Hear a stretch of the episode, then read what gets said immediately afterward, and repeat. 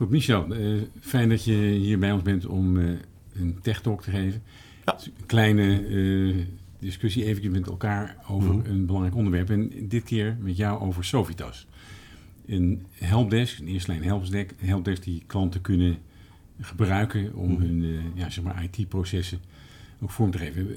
Kun je iets meer vertellen over een helpdesk? Iedereen heeft dat natuurlijk. En waarom is een helpdesk zo belangrijk? Of een eerste lijn helpdesk? Nou ja, het is natuurlijk hartstikke belangrijk omdat daar natuurlijk de IT-problemen daar gemeld worden. Uh, nou, dat kan van alles zijn, het kan werkplekken zijn. Dus dan hebben we het over uh, een desktop misschien of een thin client. Maar ook printers, uh, mobiele telefoons en dergelijke. Dat wordt allemaal bij ons gemeld. Ja, dus in feite alle vragen die zeg maar, een, een gebruiker heeft op het gebied van IT en, en, problemen die ze hebben, die komen altijd bij jullie terecht. Die komen al bij ons terecht, inderdaad. Klopt. En nou, zie je heel veel dat, uh, eigenlijk heeft elk bedrijf heeft wel een helpdesk. Mm -hmm. Veel zie je dat mensen en een bedrijf het zelf doen. Uh, maar ja. je ziet dus ook heel vaak dat het wordt uitbesteed. Nou, Sofitas is ook een, een dienst die je kan inhuren als klant. Uh, kun je vertellen wat het verschil is tussen het zelf doen en het uitbesteden? Het uitbesteden heeft vaak de, de voordeel dat de, de, de, jongens die op de helpdesk zitten, die zijn vaak gecertificeerd ook, wat uh, verder gecertificeerd. Het wordt ook bijgehouden door uh, de werkgever. Zodat ze nou ja, echt de meest up-to-date kennis hebben over uh, IT-vraagstukken. Dus met name over, in ons geval over Microsoft-vraagstukken. Ja. Dat de jongens daar echt over eigenlijk alles weten. zo niet dat we er altijd nog andere jongens aan de achterkant hebben die dat dan ook weten. Ja, nou is het, eigenlijk zeg je dus dat, dat ze zijn, uh, ja, hebben meer kennis. Zijn misschien ook wel technisch uh, met meer bagage. Ja. Uh, eigenlijk is dat een soort, ik zou bijna zeggen, dat, zo ben ik gewend in een eigen bedrijf een tweede lijns te zien. Ja. Dus ze, ze spelen ook een beetje dan tweede lijns helpdesk, zou je bijna zeggen. Die hebben we ook nog uh, zitten natuurlijk binnen Sofitas. daar hebben we een aantal systeembeheerders aan de achterkant zitten die dus eigenlijk het serverbeheer nog doen voor de klanten. Oké. Okay. Ja, dus stel nou voor dat je zegt van, uh, ja, ik, ik, overweeg dat. Wat, kun je nog eens even zeggen, wat zijn nou de, precies de voordelen? Ja, de, één voordeel noem je dat, zijn, is vooral de kennis ja. die bij jullie in huis is. Uh, kun je nog wat voordelen noemen? Um, nou, het voordeel is dat de, de openingstijden misschien wat ruimer kunnen zijn. Uh, Ja. Soms ook wel specifiek aangepast op uh, de klant zelf als ze uh, bepaalde wensen hebben. Kan ook eh, 24 keer 7 zijn, bij wijze van spreken. Dat zijn ook mogelijkheden die, die bestaan inderdaad, klopt. Ja. En eh, misschien dat je ook nog even wat kan vertellen over de nadelen. Want ik kan me ook voorstellen dat je er, als je het uitbesteedt, dat je Mhm. misschien wel op sommige punten wat minder flexibel bent. Is, is dat zo? En, Nou, misschien minder flexibel. Het heeft natuurlijk eh, op het moment dat wij een nieuwe eh, of een, hè, een service desk overnemen, zal het altijd wat tijd nodig hebben om eh, eh, alle kennis op te doen. En natuurlijk de juiste kennis te hebben om een volledige ondersteuning te kunnen geven. Eh, nou, wat we daarvoor eigenlijk altijd doen is, voordat een service desk bij ons komt, gaan wij zelf naar de klant toe, gaan we daar op de service desk zitten om de kennis op te doen. En die vervolgens over te dragen naar de bestaande jongens die dus bij ons zitten. Oké, ja, dus je zegt eigenlijk ook, je laat altijd horen over hoe jullie dat dan aanpakken. Ja. Eh, als je zoiets overweegt, is het natuurlijk heel belangrijk dat je de aansluiting met zeg maar, de, de business, Mhm. de gebruikers eh, en de IT die eh, zeg maar, achter de service desk zat bij zo'n zo'n klant als hij het zelf deed. Klopt. Om dat over te dragen aan jullie is natuurlijk wel heel belangrijk. Dat is heel belangrijk inderdaad. Het is En- en natuurlijk contact- van belang dat er zoveel mogelijk kennis die er is, wel tijdig wordt overgedragen. Ja. En dit- gaan jullie dan ook naar gebruikers toe in, in de bedrijven? Dat gebeurt ook inderdaad. Ehm, van, een, van onze klanten hebben we sowieso één dag in de week dat we op locatie komen. Oké. Ehm, nou ja, dat zijn verschillende locaties die ze hebben. En afhankelijk van de problemen die er zijn of incidenten die er eigenlijk zijn, ehm, gaan ze op locatie en lossen die dan ter plekke op. Oké, ja, dus dat is ook wel heel fijn, want dan zien mensen ook echt een gezicht bij Ja. die helpdesk. Dus niet alleen een stem, maar ook een gezicht in. Nee.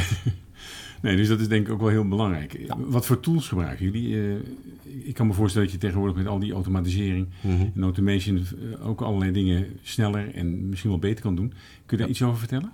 Ehm, nou ja, goed, we, we werken met verschillende registratiepakketten. Ehm, daarin eh Topdesk gebruiken we bijvoorbeeld, Fresh Service gebruiken we.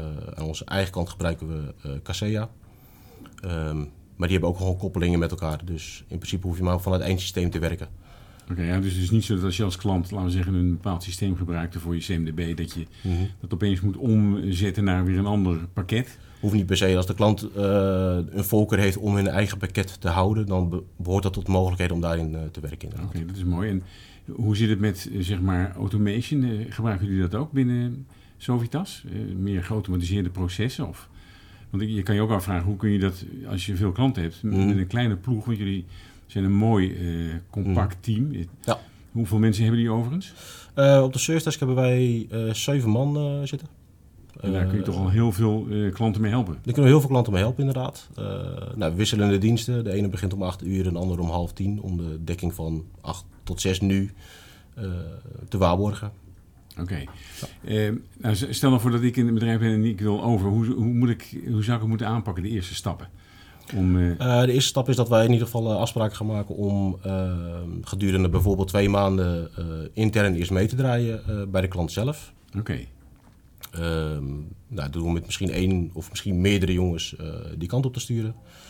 Ehm, ja, die eigenlijk zoveel mogelijk informatie laten verzamelen, kijken hoe alles werkt. Ehm, zijn er specifieke applicaties die specifieke personen beheren?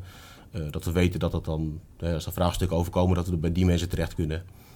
Ehm, Oké, Ja. ik kan me namelijk ook nog voorstellen dat jij nu je dit zo zegt, denk ja, het is natuurlijk heel belangrijk voor jullie ook om de processen bij zo'n klant goed te kennen. Ja. En te weten wat, eh, waarvoor het allemaal gebeurt, want IT is natuurlijk Precies. ondersteunend. Ja. Dus dat is bij jullie blijkbaar ook een, een belangrijk speerpunt om goed te snappen wat het bedrijf doet. Ja.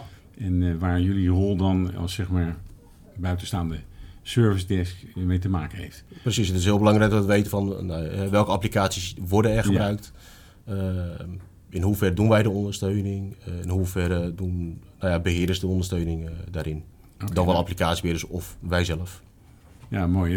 Ik krijg een, eh, dus nog een, een laatste vraag die ik even heb. Mhm. Als ik nou daar een gebruiker ben en ik bel naar jullie, Ja. krijg ik dan het gevoel dat ik met een buitenpartij te maken heb? Of lijkt het heel sterk op de eigen service desk? De bedoeling is om dat alles zoveel mogelijk hetzelfde te houden zoals het al is. Dus dus in alsof die zin- jullie- alsof jullie onderdeel zijn van het bedrijf. precies, precies. Nou, dat is ook Ja. wel mooi. Dus jullie worden een klein beetje het bedrijf zelf in die, eh, in Ja. die dienstverlening. Klopt helemaal. Ja. Mooi. Nou, als je nog een laatste eh, tip wil meegeven aan eh, zeg maar bedrijven die dit overwegen, Mhm. wat zou je dan aan ze zeggen? Ehm, nou ja, dat wij hè, de flexibiliteit bieden die vaak gevraagd wordt. Hè, dus er zijn altijd dingen in overleg die, die kunnen gebeuren. Willen ze mensen op locatie hebben, kan het allemaal.